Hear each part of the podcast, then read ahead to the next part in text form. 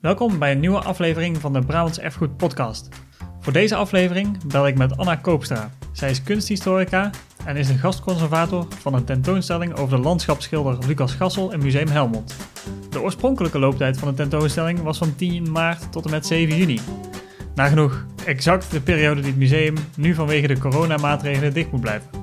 Met haar had ik een erg interessant gesprek over wie Gassel was en waarom we hem eigenlijk niet zo goed kennen. Althans, ik niet.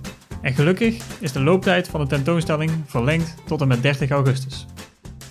Anna, heel fijn dat je even te gast wil zijn. Ja, fijn. Via de digitale weg. Fijn dat ik mag. Uh, ik wou zeggen mag zijn, maar dat ben ik dus niet. Maar fijn dat ik toch mag zijn. Jij bent gastconservator van de tentoonstelling over Lucas Gassel van Kasteel Helmond. Ja, klopt. Wie was Lucas Gassel precies? Uh, Lucas Gassel was een schilder. Die werkte in de 16e eeuw. Uh, hij is ongeveer aan het eind van de 15e eeuw geboren, 1488 ongeveer. Uh, en hij sterft in 1568, 69. En eigenlijk is het een Zuid-Nederlandse schilder. Dus uh, hij werkte in de zuidelijke Nederlanden. Maar hij is afkomstig uit Helmond.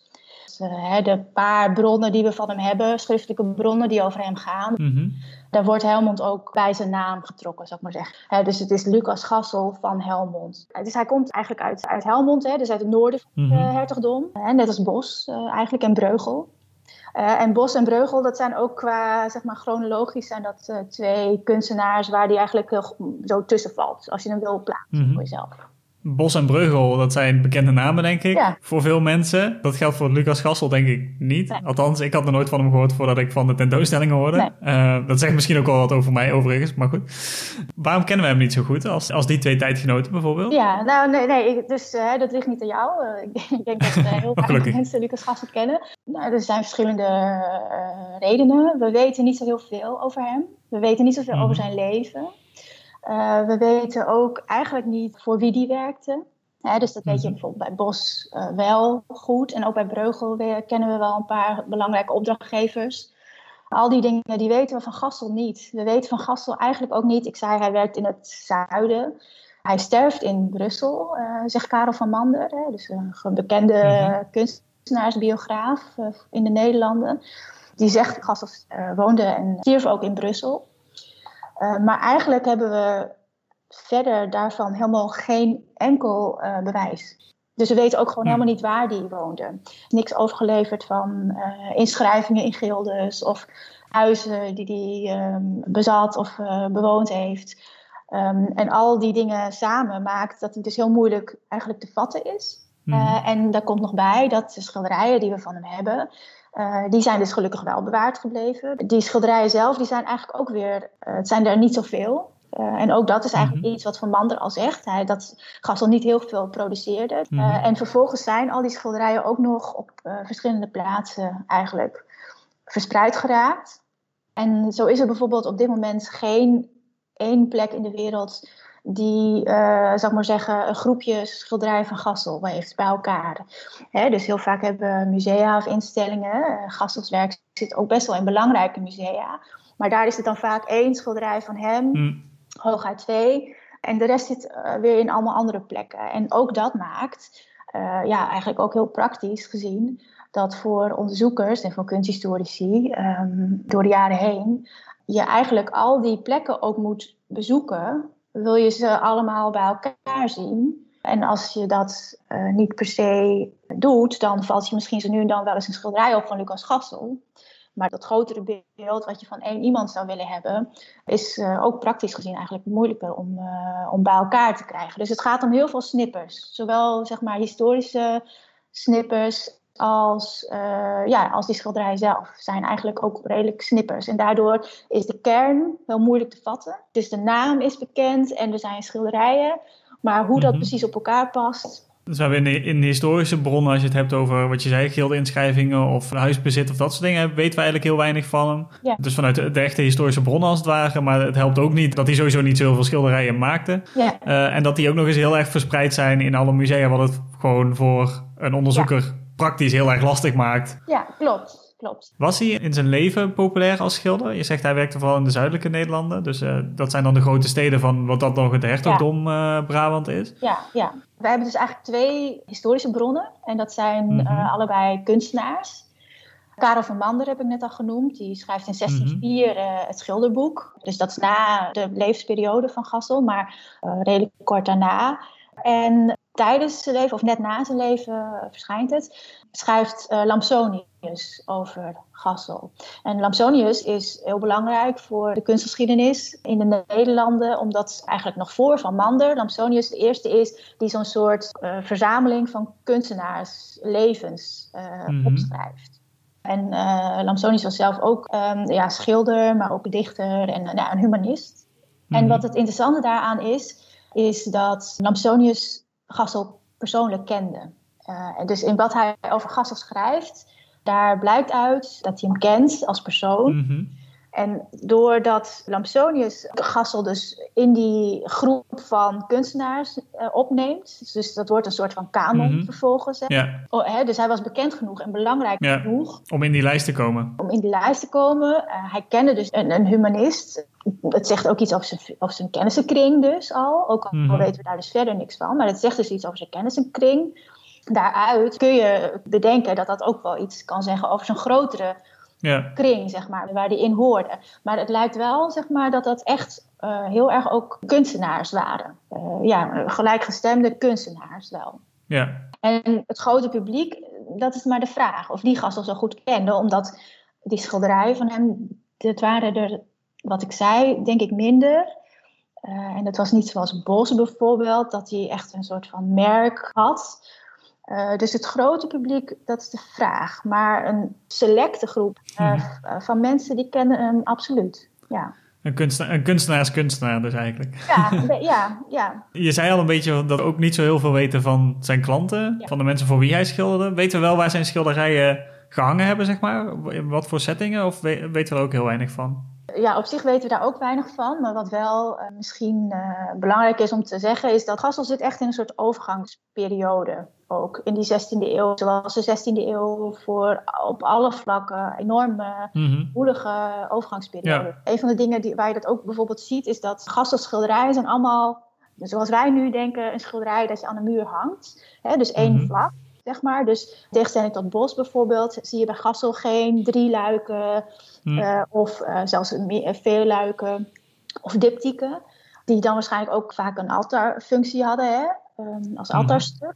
Dat zie je bij Gassel niet meer. Dus de thematiek is nog steeds iconografie en de wat afgebeeld wordt in de verhalen.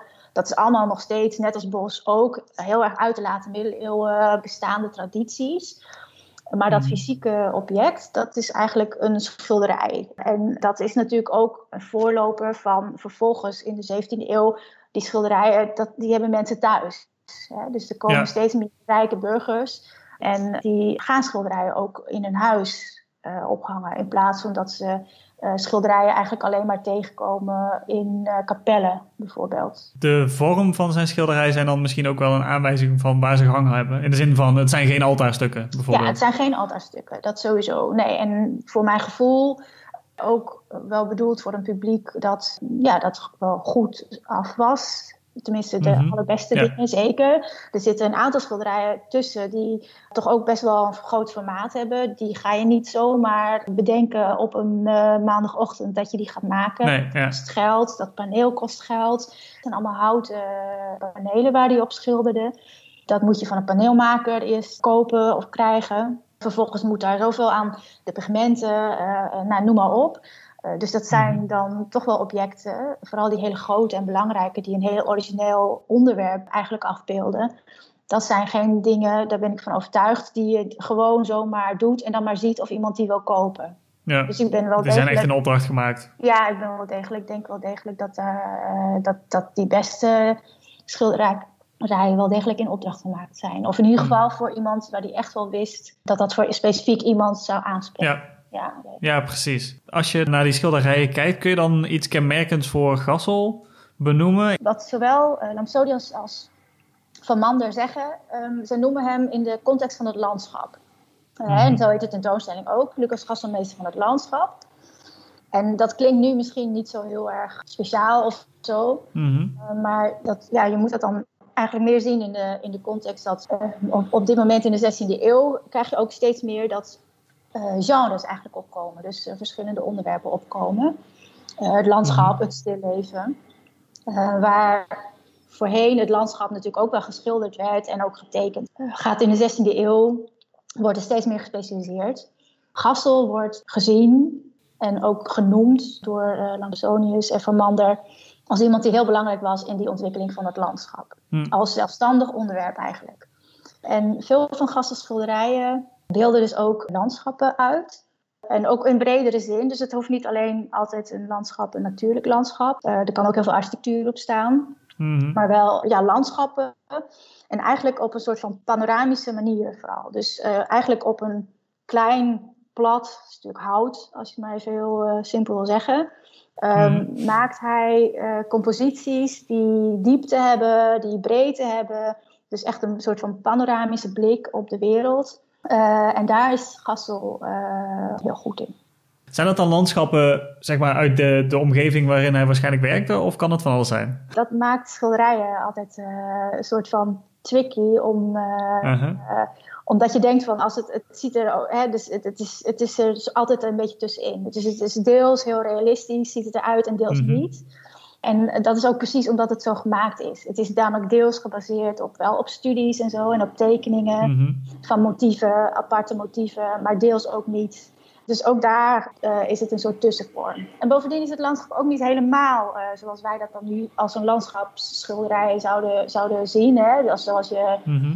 Uh, een schilderij van Ruisdaal of zo in de 17e eeuw. Dat is echt een, een landschap. Gassels landschappen zijn nog degelijk wel steeds deel van een compositie waar het onderwerp nog steeds een bijbels verhaal is. Het nieuwe daaraan is dat Gassel dat landschap echt veel prominentere rol geeft. Niet alleen als een soort van achtergrondje of als een decor, mm, omdat het mhm. toevallig ergens eh, buiten moet afspelen.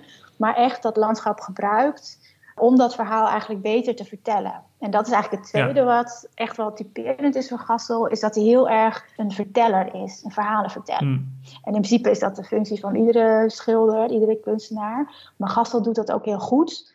Eigenlijk zo'n schilderij, wat ik zei, zo'n plat schilderij, dat het eigenlijk diepte heeft en dat het jou echt meeneemt uh, in dat verhaal. Je hebt ook extra onderzoek gedaan voor de tentoonstelling natuurlijk. Wat voor dingen zijn daar aan nieuwe kennis uitgekomen? Zeg maar, wat, wat zijn dingen waarvan je dacht van, oh, dit is echt, dat, dit had ik niet verwacht of dit is mij echt opgevallen in dit, eh, wat je ontdekt hebt als het ware? Een van de dingen die ehm, is het onderzoeken van die schilderijen zelf, dus het fysieke object zelf. Uh, mm Want dat is toch eigenlijk een superrijke bron die je wel hebt. En schilderij zelf, dat gaat verder dan plaatje wat je ziet. Het is een fysiek mhm. object, het is gemaakt. Ik zei het al, zo'n paneel moest je halen. Je moest die pigmenten um, kopen. Vervolgens moest je aan de slag. Dat kun je ook onderzoeken. En deel van, uh, van dit onderzoek heb ik ook een aantal van die schilderijen uh, ja, zeg maar in het, uh, in het laboratorium, zeg maar. Hè? Dus het restauratieatelier in het geval, maar fysiek onderzocht. Uh, en daar kun je ook heel veel uit leren. En dat is ook wel iets wat tot nu toe uh, eigenlijk niet, uh, niet gedaan was. Bijvoorbeeld, Gassel maakte op het moment dat hij begon met zo'n schilderij, ging hij eerst een soort van eerste schets maken. Mm -hmm. en die eerste schets, die kun je zichtbaar maken. Wat we daar dan zien, is dat we Gassel echt aan het werk zien eigenlijk. En dat is wel ook, denk ik, iets wat in de tentoonstelling ook wel terugkomt. En ook in de catalogus. Omdat het gewoon zo'n enorme bron is die zoveel inzicht geeft in hem. omdat je ziet hoe iemand beslissingen maakt. Ja, je kan het hele proces zien als het ware. Ja, ja. en je was niet, het was niet de bedoeling dat je dat ooit zou zien. Nee, ja, ja. Uh, Maar dat kun je nu wel. En je kunt het vergelijken met wat je wel ziet. Hè? Dus wat, wat iedereen ziet, namelijk de oppervlakte. Mm en in, die verschillen die je daarin ziet, of in karakteristieken halen, of kan van alles zijn, de manier van arceringen maken. Daar leer je dus iemands werkwijze van kennen en uh, iemands uh, manier van denken en beslissingen maken. Ja, je kruipt een beetje in het hoofd natuurlijk. Ja, gek genoeg is dan ineens die uh, eh, 450 jaar is eigenlijk ineens gek genoeg dan helemaal weg. Hè? Want je mm -hmm. zit met dat fysieke object wat hij dus gemaakt heeft van nul helemaal opgebouwd. Ja. Uh, en het zijn ook hele menselijke soort van overwegingen en beslissingen die je mee kunt volgen. Die heel praktisch ook soms zijn. Dus ook iemand die nu gaat beginnen met een schilderij, die kan er ook voor kiezen om eerst even iets op te zetten. Misschien eerst een grote compositie, dan de figuren. Maar dat zijn allemaal soort mm beslissingen en overwegingen die maken uh, dat je eigenlijk ook heel dichtbij iemand komt. Ja, het moet wel vet zijn om zo dichtbij je studieobject uh, te kunnen komen eigenlijk. Als het, of ja, nog niet eens een studieobject, maar degene die je studieobject gemaakt heeft, zeg maar. Ja. Bij de kunstenaar zelf uh, te komen. Ja, en dat, eigenlijk zijn die producten, hè, of het nou een schilderij is of een uh, beeldhouwwerk of, of iets anders, maar die zijn eigenlijk natuurlijk zelf de rijkste bron die je hebt. De tentoonstelling is gelukkig verlengd, want hij viel echt perfect tussen aanhalingstekens in de coronasluiting ja. van begin maart tot begin juni. Ja, klopt. Geloof ik. Ja. En gelukkig is hij nu verlengd. Als we daar naartoe gaan, zien we dan vooral heel veel schilderijen van hem. Dus voor het eerst dat al die schilderijen bij elkaar zijn. Of bestaat de tentoonstelling ook nog uit andere objecten die we misschien van hem hebben? Gassel heeft schilderijen gemaakt, maar ook tekeningen op papier. Een aantal, Mhm. heel weinig, maar die zijn er ook allemaal. En er zijn ook nog door graveurs en etsers zijn er prenten gemaakt naar Gassels ontwerp. En die zijn er ook. Ah, oké. Gaaf. Het is ook niet alleen Gassel. Uh, er zijn een aantal schilderijen, tekeningen en prenten van, uh, van tijdgenoten van Gassel. Uh, een aantal verschillende werken die specifiek zijn uitgekozen, zodat je ziet uh, hoe die zich verhoudt tot iemand, of hoe die uh, heel erg gelijk is in iemand, of hoe die heel erg anders is. Uh, anders heb je Mhm. natuurlijk ook daar geen idee van.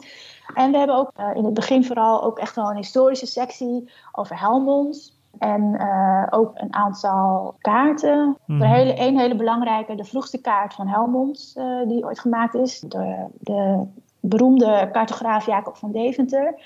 Um, die hebben we. Die, daar staat kasteel van Helmond natuurlijk al oh, op. Dus dat is natuurlijk een link met uh, toch wel met het Helmond van nu. Hè, dus alles om wel natuurlijk, ja, om hem in context te zetten. Ja. Dus hij werkte, wat is de context? We zijn in Helmond, we zijn in het hertogdom. Um, ook dat is iets wat je hier in Brabant en al jouw luisteraars niet hoeft te vertellen. Maar uh, iets wat uh, denk ik voor uh, mensen uit de rest van het land niet per se heel evident is. En belangrijk Ja. is om duidelijk dat je Gassel dus daardoor beter kunt plaatsen. En Ja. uh, de tijd ook beter kunt plaatsen. Ja, ja, heel gaaf. Ik ben heel benieuwd straks. Ik, nu nog eventjes rustig wachten voordat we er echt naartoe kunnen. Ja, ja, ja ik ben ook maar dan ja, ga ik zeker even kijken. Ja, ja, het is fijn dat het in ieder geval uh, verlengd kan worden. Dus als op 1 juli die musea weer open gaan, dan uh, kun je weer naar de tentoonstelling toe tot, uh, tot 31 augustus. Dus nog de hele zomer. Precies. Nog de hele zomer om langs te komen in Kasteel Helmond. En heel erg bedankt dat je de tijd had om er even over te praten. Ja, graag gedaan.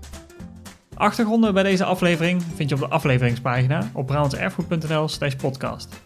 Daar vind je ook onze eerdere afleveringen.